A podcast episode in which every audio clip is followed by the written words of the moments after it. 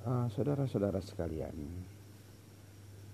uh, pada malam ini coba kita uh, bersama-sama untuk bincang-bincang. Mungkin ada yang mau bergabung bersama saya di malam ini. Mari kita uh, ngopi bareng uh, untuk bicara tentang fenomena pendidikan di masa pandemi ini.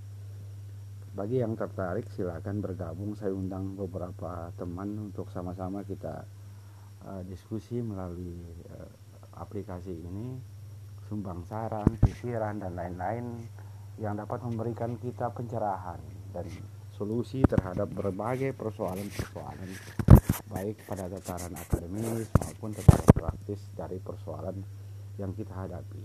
Kabupaten Sumbawa secara spesifik memiliki dinamika yang juga sama apalagi dengan luasnya wilayah dengan jangkauan sekolah yang mencapai 371 tersebar di 24 kecamatan di Kabupaten Sumbawa.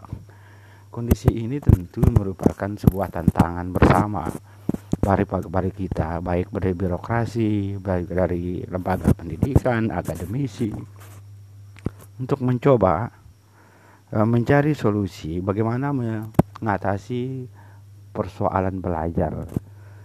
Kayaknya pelan-pelan kita sudah mulai diseret ke arah belajar, di mana anak-anak sendiri harus mempunyai uh, standar tersendiri di dalam hal belajar, bukan lagi diatur oleh mekanisme yang sangat ketat dari lembaga, tetapi minimal anak-anak sudah mulai membuat program-program sendiri dalam rangka membelajarkan diri dengan menggunakan berbagai fasilitas yang ada, terutama jaringan teknologi informasi dan komunikasi.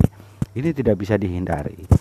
Bahkan secara positif saya melihat ini ruang yang bagus bagi upaya-upaya untuk mem membuat anak mencari sebanyak mungkin referensi dengan belajar mandiri di rumah masing-masing.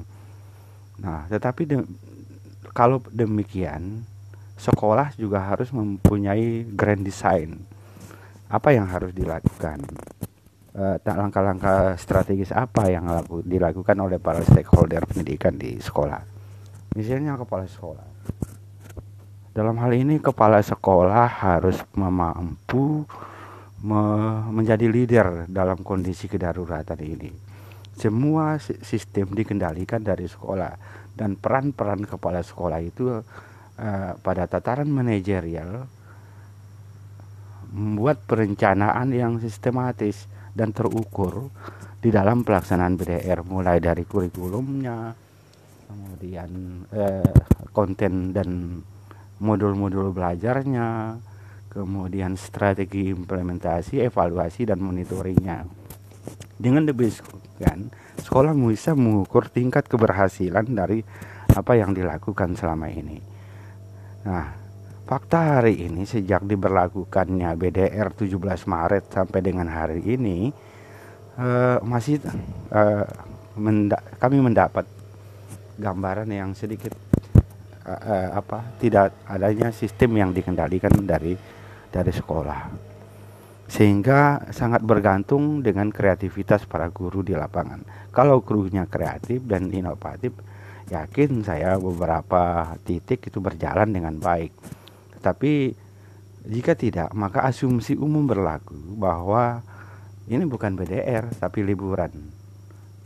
Saya kira demikian. Kalau ada yang mau menanggapi celoteh saya, silakan bergabung. Mari kita sama-sama diskusi pada malam hari ini.